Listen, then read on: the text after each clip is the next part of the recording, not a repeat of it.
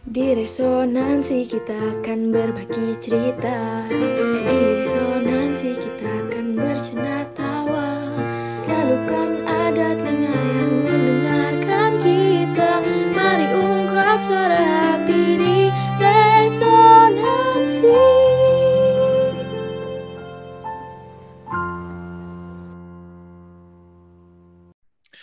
Balik lagi bareng kita-kita di resonansi, resonansi cerita, cerita, satukan, satukan kita. kita. Bareng saya Patrick. Lah lah lah. Nggak kebalik. Tuker pet. Dituker pet. Ya. Ya bareng saya Patrick dan Eka. Patrick kuadrat ya. Jadi semuanya Patrick ya. Kredit. Oke. Eh, apa kabarnya nih kabar resonansi? Semoga selalu sehat ya di mana pun berada ya. Min. Senang sekali nih Pet pada kesempatan kali ini kita bisa recapkan eh, film lagi nih yang cukup eh, keren pada masanya tentunya ya dan menceritakan satu kisah nyata yang cukup epic gitu ya Pet ya. Nah, jadi mungkin rekomendasi dari saya sekali seumur hidup ya wajib lah nontonin film dengan genre seperti ini gitu. Jadi nggak usah sama filmnya film ini, tapi genrenya seperti ini ya Pet ya. Genre apa tuh? Ya genre filmnya seperti yang akan kita recap kali ini gitu maksudnya. Nggak menjawab pertanyaan. Genre apa gitu? Coba dijelasin dulu Pet, recap eh, filmnya nih. Menceritakan apa sih sebenarnya film yang mau kita recapkan kali ini tuh? Judulnya Argo. Ya, bukan Argo Parayangan ya. Beda. Ah. bukan kereta. Argo ini ceritanya adalah film ya, sebuah judul film. Tapi filmnya film film Ah. film bohongan gitu. Jadi. Nah, kan film bohongan, Pet. Mana ada film yang nyata? Ini mah beneran film bohongan. Jadi maksudnya pura-puranya mau bikin film judulnya Argo gitu ya, si kelompok orang ini. Tetapi enggak Hmm. gitu. Enggak ada filmnya, cuman pura-pura aja buat nipu orang gitu. Nah, jadi Argo itu Hmm. judul film ya, asal tahu filmnya semacam film science fiction lah berbau Star Wars gitu ya Argo itu. Hmm. Nah, Kenapa nih orang-orang ini bikin film bohongan? Karena dia pengen menipu orang-orang Iran ya. Orang-orang Iran saat itu yang waktu itu sedang menyandra menyandra eh, para diplomat di eh, para diplomat Amerika yang bekerja di Iran waktu itu gitu. Karena waktu itu perpolitikannya lagi kacau gitu ya. Ceritanya Amerika itu sedang menyem, bukan menyembunyikan ya, melindungi gitu. Jadi a- Iran itu ini sedikit cerita sejarah ya mau nggak mau ya. Di Iran itu punya diktator gitu ya pada tahun eh, akhir tahun 70-an itu. Diktator ini ya membuat semua orang menderita kan. Hmm. Kemudian diktator ini mendapatkan perlindungan gitu, kabur ke Amerika ketika orang-orang sedang mengadakan revolusi orang Iran itu kan untuk menggulingkan si diktator ini. Tapi diktator ini kemudian menyelinap keluar bisa nyampe Amerika terus sama mereka dilindungin gitu. Nah orang-orang Iran nggak terima, pengen dibalikin si orang ini si diktator ini ke Iran untuk bisa dihukum, dieksekusi gitu ya sama orang-orang Hmm. dibakar dan sebagainya. Nah mereka pasti nggak mau lah Hmm. gitu kan. Ya gimana ya gitu Hmm. kan. Jadi salah satu cara untuk eh, memaksa Amerika untuk memberikan diktator itu adalah dengan cara ya kan di sana punya duta ya kedutaan gitu di Iran kedutaan Amerika. Kedutaan Amerikanya itu disandra gitu disandra ditangkap gitu kan. Kemudian ada beberapa orang hanya sekitar 4-5 orang diplomat saja yang berhasil keluar dan mereka mendapatkan perlindungan di kedutaan Kanada kalau Kanada sih nggak ada masalah ya orang-orang Iran itu kan Hmm. jadi lima orang ini bisa sembunyi di Kanada sedangkan Hmm. Beber- beberapa mah ada yang ketangkap di sananya. Nah, jadi eh, si Tony Mendes gitu ya orang CIA dari Amerika mendapat tugas untuk gimana caranya lo harus ngeluarin si lima orang diplomat tadi yang sembunyi di kedutaan Kanada di Iran. Hmm. ya. Itu cukup tricky karena Hmm. semenjak kejadian itu eh, airport gitu ya segala macam pelabuhan segala macam lah pokoknya perbatasan Iran itu ditutup semuanya. sama orang-orang Iran itu yang mengadakan revolusi sama tentara lokal gitu kan ditutup itu semua jadi nggak boleh masuk keluar dengan mudah apalagi ketahuan orang Amerika udahlah dibalikin ditangkap dan sebagainya apalagi masuk nah jadi si Tony Mendes ini orang CIA mikir kenapa enggak kita saya gitu ya kita saya dengan bantuan lembaga pastinya menyamar menjadi orang Kanada gitu jadi saya orang Kanada yang pengen syuting film Argo di Iran gitu Nah, dia itu dia yang ide. Padahal ketika di Iran pura-puranya hmm. mau syuting, mau survei lokasi, kenyataannya dia pengen ketemuan sama si lima orang tadi yang harus dia bebasin gitu kan. Dan kemudian mereka semua diberikan samaran, nggak hanya Tony tapi lima orang tadi juga dikasih samaran, lima atau empat, lima eh dua dua orang pasangan, satu orang leadernya gitu yang paling senior di antara mereka. Jadi mereka mau Betul dibebasin nih sama si Tony. Cuman memang dramanya terletak pada gimana caranya supaya bisa nipu dengan meyakinkan gitu kan. Karena ini agak susah gitu kelihatannya. Mm. Nih gitu ya, agak mm. tidak biasa, tidak lazim caranya tuh. Jadi si Tony ini kekeh gitu, dia pengennya penyamarannya gitu sebagai kru film. Si Tony dikasih eh, apa namanya ide sama orang lain kenapa lu nggak pakai samarannya beda aja gitu. Samarannya kenapa nggak pakai sebagai guru lah mau ngajar atau apa. Enggak gitu. Si Tony kekeh pengennya film-film. Ya udah akhirnya film lah dikasih kesempatan kan. Cara dia melakukan ini adalah dia harus uh, kontakan sama temen dia di Hollywood yang beneran orang dalam ya makeup artist gitulah jadi dia make up hmm. artist hmm. ini koneksi dia mau bantu akhirnya karena biar meyakinkan kan harus ada siapa nih studionya ceritanya menggarap film ini dan seterusnya gitu kan. Jadi sama si makeup artist ini hmm. dikenalin sama produser terkenal Hollywood dan gitu mereka bertiga ini basically yang merancang semuanya ya disediakan skripnya, dibikin storyboardnya supaya meyakinkan dibuat posternya bahkan dibuat publisitasnya hmm. gitu loh supaya beritanya siapa tahu nyampe ke Iran jadi orang Iran tahu gitu emang ini film beneran ada gitu legit lah kayak gitu gitu hmm. setelah semua itu dipersiapkan barulah uh, si Tony ini akhirnya pergi berangkat ke Iran ya sebagai orang Kanada dibuatin lah paspor Kanada palsu, visa Kanada palsu dan sebagainya gampang ya CIA kan.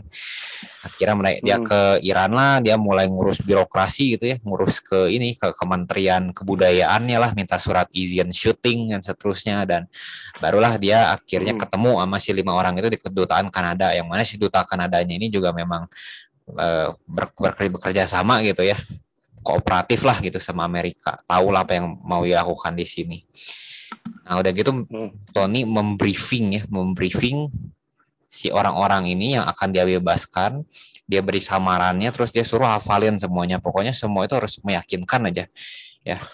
Lo lo ingetin identitas hmm. lu dan seterusnya gitu kan. Nah seperti itu. Jadi ya singkat cerita, memang eh, akhirnya si Tony ini dengan sangat menegangkan gitu ya kita melihat adegan demi adegan harus benar-benar meyakinkan kan. Jadi untuk ngetes gitu ya si orang Iran ini beneran pengen nemenin gitu nawarin gimana lu? Coba lihat ke pasar kita yang terkenal ini mungkin lu mau syuting di sana kita temenin kita pandu gitu. Mereka hmm. sama sekali tidak siap untuk ini gitu ya. Toh cuma hmm. pura-pura dikiranya tapi ya udah Tony kita harus kita harus. Akhirnya pergilah mereka ke pasar itu. Dan di hmm. pasar itu kan ya dia diliatin akhirnya ya. Kenapa nih kayak ada orang-orang yang kelihatan kayak Amerika kenapa bisa berkeliaran bebas bahkan sama orang pemerintah ditemenin gitu. Kata si hmm. orang-orang pasarnya itu kan. Dan ya karena kan ya orang Kanada orang Amerika siapa yang bisa bedain sih gitu kan sekilas. Hmm. jadi di sana di ya, pasar ya, itu hmm, pada dasarnya sama aja sih. Jadi di pasar itu ada ini ya ada toko ada si penjual toko ini yang marah gitu ketika salah satu orang yang Amerika tadi yang lagi pura-puranya jadi survei lokasi itu lagi motret-motret ya namanya survei lokasi pasti motret-motret atau ya tapi ada yang nggak terima gitu.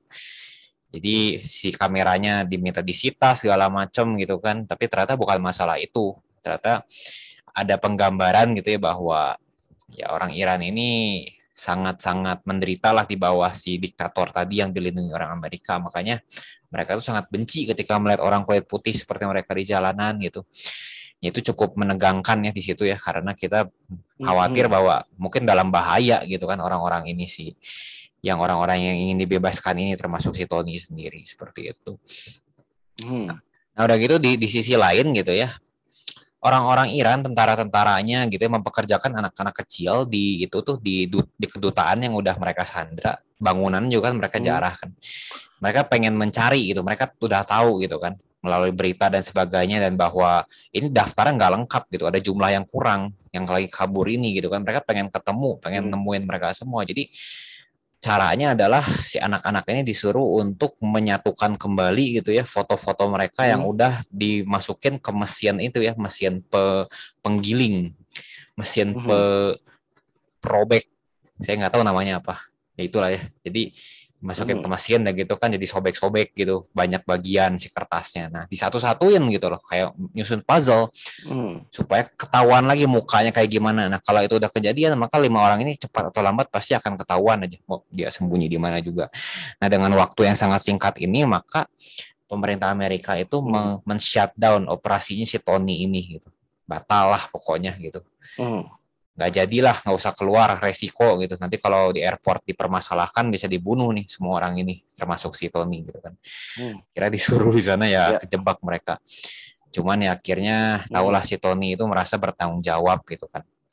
Tadinya udah mau nurut gitu, dia pengen pulang sendiri aja apa gimana gitu kan, tapi dia merasa bertanggung jawab gitu, udah udah kagok, udah terlanjur gitu. Gua harus ngeluarin mereka akhirnya dengan melakukan insubordinasi si Tony akhirnya mengeluarkan mereka dari sana gitu. Mereka berangkat gitu ya.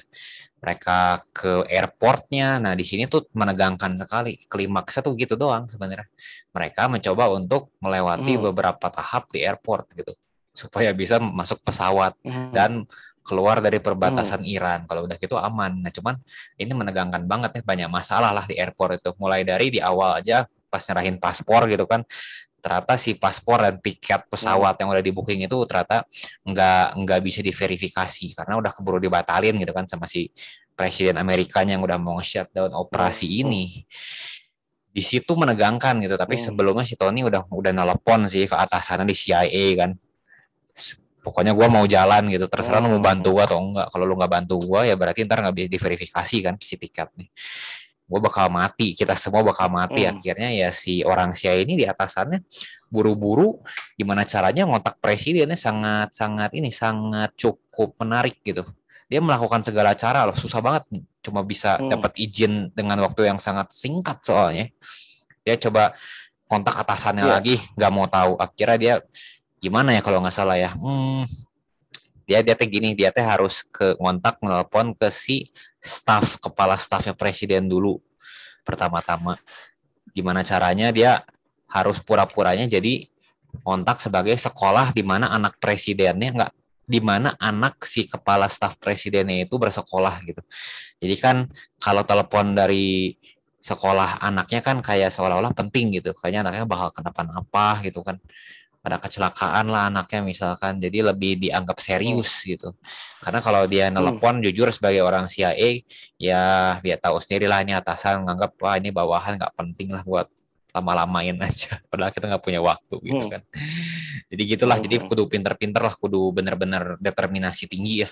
Itu yang dilakukan. Hmm. cara tadi berhasil akhirnya diangkat teleponnya dan ketika dibilang bahwa mereka semua lagi jalan operasinya dan nggak bisa ditunda ya udah akhirnya diperbolehkan akhirnya ya di situ dengan satu tombol aja nekan satu tombol setelah diberi izin mah ya udah clear gitu si paspor dan tiketnya nah itu baru satu Hmm. checkpoint itu masih lanjut ke yang berikutnya berikutnya lebih Hmm. di lebih dipertanyakan lagi sama si penjaga di airport itu gitu kan sampai di Hmm. satu titik di paling akhir gitu ya eh si, si si Tony dan teman-temannya benar-benar harus mengeluarkan storyboard gitu kan benar-benar ditunjukin apa yang Hmm. ingin mereka lakukan dengan film ini gitu benar-benar kayak presentasi Hmm. lah gitu kan sebagai satu upaya terakhir gitu untuk memverifikasi si tentara yang mengka- mengawal tepat sebelum masuk pesawatnya itu eh, pengen ng- ngontak orang Hollywoodnya gitu atau ya Hmm. studionya gitu ya yang mereka akui mereka Mastiin tuh gitu ya bekerja di ya. bawah. Heeh.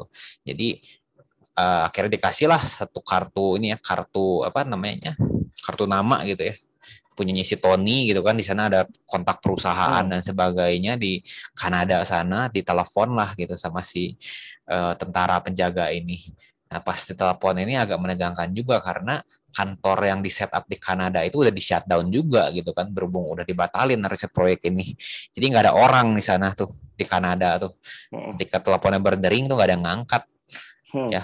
Dua orang tadi si produser dan si makeup artist itu lagi dalam proses perjalanan sih lagi jalan gitu. Udah dekat ke kantor balik lagi bisa ngangkat. Tapi adalah masalah ya. Ternyata di luar kantor mereka tuh ada yang lagi syuting kebetulan terus sama si ya satpamnya gitu ya yang ngawal syutingnya nggak dibolehin lewat nggak boleh masuk. Jadi kita penonton teh greget gitu ya. Itu kalau nggak diangkat mati tuh mereka semua gitu ya. Dan Hmm. ini udah mau diangkat tapi dihalangin gitu kan sama yang syuting. Ah kacau ya gitu. Hmm. jadi bagusnya di situ sih. Tapi ya Hmm. akhirnya ya karena nasib kali ya jadi si produsernya nggak mau nunggu gitu bodo amat lah dia bilang ke Siltpam oke kita akan ada di filmnya gitu. Maksudnya kita bakal muncul berarti kan kalau kita hajar lewat aja. Bisa nyampe kantor Hmm. akhirnya tepat waktu pas banget sebelum mau ditutup gitu ya sama si pen- eh, yang awal di Iran itu yang nelfon akhirnya diangkat lah Hmm. terus dikonfirmasi gitu.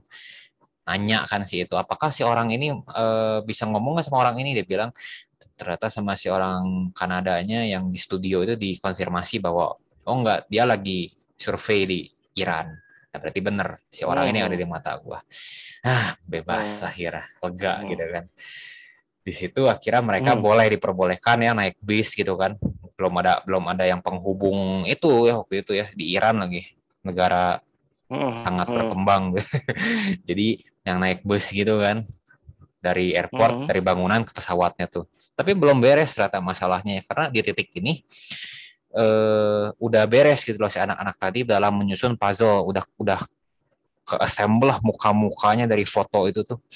Kayak gitu loh.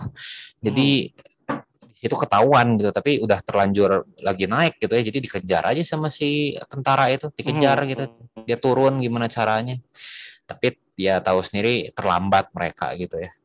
Nah, jadi ketika pesawatnya Hmm. lagi take off gitu ya itu ada mobil-mobil tentara tuh di sebelahnya tuh ngejar gitu edan bener Hmm. bener-bener dikejar sampai si runway-nya gitu tapi ya Hmm. namanya film dan jadi nyatanya ya puji Tuhan mungkin bebas gitu keburu terbang gitu kan sebelum bisa ditangkap sama si pengawal tadi dan Hmm. ketika mereka sudah bebas dari eh, apa namanya kawasan udara Iran ya udah mereka bebas bisa pulang dengan selamat walafiat gitu Hmm. iya Jadi sebetulnya di pertengahan itu misinya sudah mau dibatalkan ya bro ya.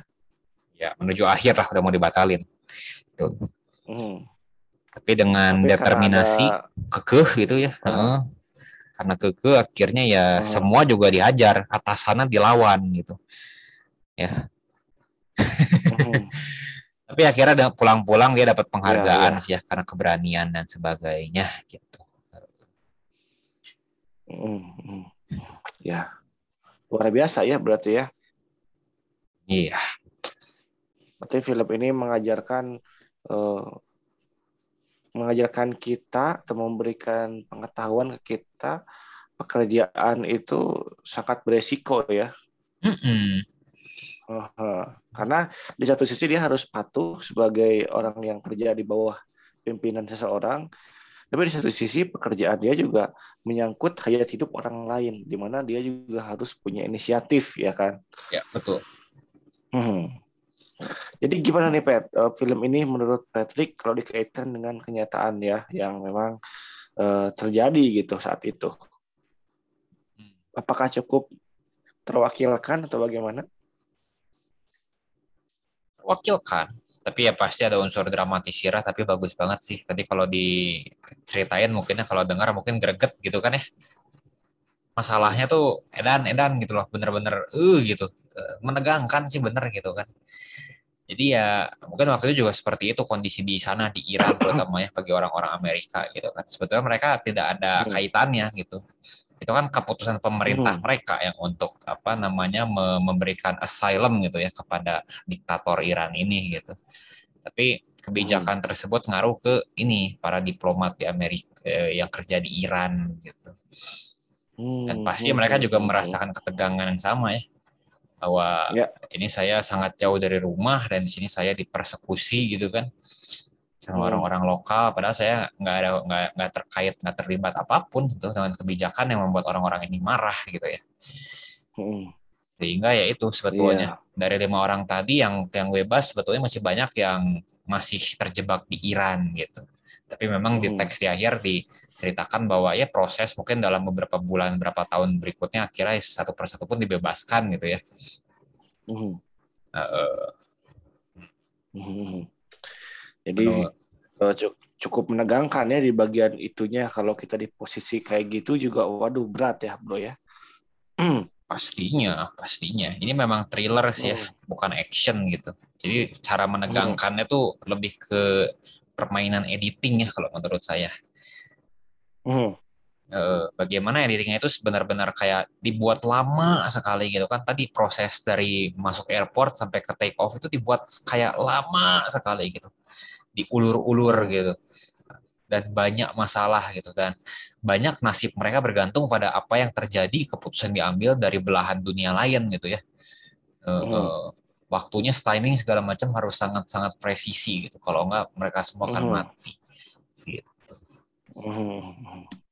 Wah luar biasa sekali ya eh, sobat resonansi sekalian. Ada hal-hal baru yang bisa kita dapatkan ya dari film ini. Itu bagaimana suatu pekerjaan itu ada dua sisi ya. Kita mesti yang tadi ya bro ya, kita mesti taat, tapi di satu sisi juga kalau itu memang menyangkut hayat hidup orang banyak, ada kalanya ya inisiatif itu lebih perlu dibanding sebuah ketaatan gitu kan ya. Ya betul, itu kan terkait Ah. dengan hukum moral kan, Ah, prima facie kan, Ya. hmm. prima facie dan summa bonum gitu ya. Ya, Eh, eh, hanya memang eh, bisa dibilang hokinya ya untungnya di film ini diceritakan ya berhasil misinya. Andai kata berhasil berarti kan mati konyol sebetulnya ya. setidaknya sudah mencoba katanya. Aha. Ya. Jadi mencoba dan berhasil begitu kan ya. Oh, Tapi ya, intinya yang yang yang dipandang di situ berarti nyawa-nyawa yang ada di situ tuh dianggap berharga lah gitu ya. Ada satu hal yang tetap perlu diperjuangkan sampai tetes darah penghabisan gitu. betul. Dan satu Ah. hal yang mungkin patut di ini memang tadi si Tony itu cukup bijak ya maksudnya dia pede lah sama misinya gitu ya. cukup pede sama misinya dan betul tadi meskipun ada unsur prima facie ya dia punya tanggung jawab prima facie yaitu taat pada bos ya taat pada presiden. Kalau batal ya batal gitu kan. Tapi dia melihat bahwa ada ada summa bonum di situ. Ada bonum ada kebaikan yang lebih summa yang lebih besar bahkan paling besar gitu kan. Summa Mhm. cum laude gitu kan yang paling besar gitu lebih dari makna gitu kan. Sehingga Mhm. dia mementingkan apa yang dia pikir adalah summa bonum itu gitu. Bahwa saya ada kesempatan gitu kan mungkin now or never saya harus ambil gitu. Mhm. dan untungnya si bosnya ya akhirnya ikut bermain setelah itu. Diverifikasi gitu kan dibantu lah bener-bener dikejar gitu loh. Bagaimana supaya tadinya paspor sama tiket yang dibatalin bisa dikembalikan lagi gitu ya bahkan sampai Ya. nipu gitu kan telepon apa bawahannya presiden ngaku-ngaku sebagai sekolah anaknya gitu Mhm. Ya, harus cerdas gitu. Jadi itu mungkin benar ya dalam tekanan orang itu dipaksa dibuat kreatif tuh bener gitu ya. Pasti ada Mhm. aja lah solusi itu muncul. gitu. Nah, ya well, bagaimana nih menurut sobat resonansi film Argo ini ya? Hmm. Jangan lupa berikan komentar, tanggapan sobat resonansi sekalian di @resonansi podcast atau bisa email kita juga ya bro ya kalau pengen memang membahas film yang lain yang baru begitu di email kita di mana tuh bro buat janjiannya? Di resonansi podcast kita at gmail.com. Oke, jadi WA, eh WA, kok jadi WA gitu ya? jadi IG-nya itu, jadi IG-nya itu @resonansi podcast ya bro ya. Iya, betul. Emailnya res, eh, resonansi podcast kita at gmail.com gitu ya. Hmm, hmm. Aha. Oke, sobat resonansi, asik banget kita hari ini bisa merasakan ketegangan ya bagaimana memperjuangkan lima nyawa yang begitu berharga di tengah hidup pikuk kerusuhan yang sebetulnya tidak mudah gitu kan ya. nantikan review film kita yang selanjutnya. Tetap stay tune bareng kita dan kita juga tetap mengaturkan terima kasih ya Pet ya untuk sobat-sobat yang tetap mendukung kita Or yang you. selalu hmm, yang sampai saat ini selalu setia ya dan kita juga mendoakan di mana pun sobat resonansi berkarya selalu sukses dan tentunya memberikan dampak yang positif bagi dunia. Ya. Akhir kata kita mau tutup Pet. Biarlah cerita Satukan Satukan kita. kita. See you the next episode. Bye bye.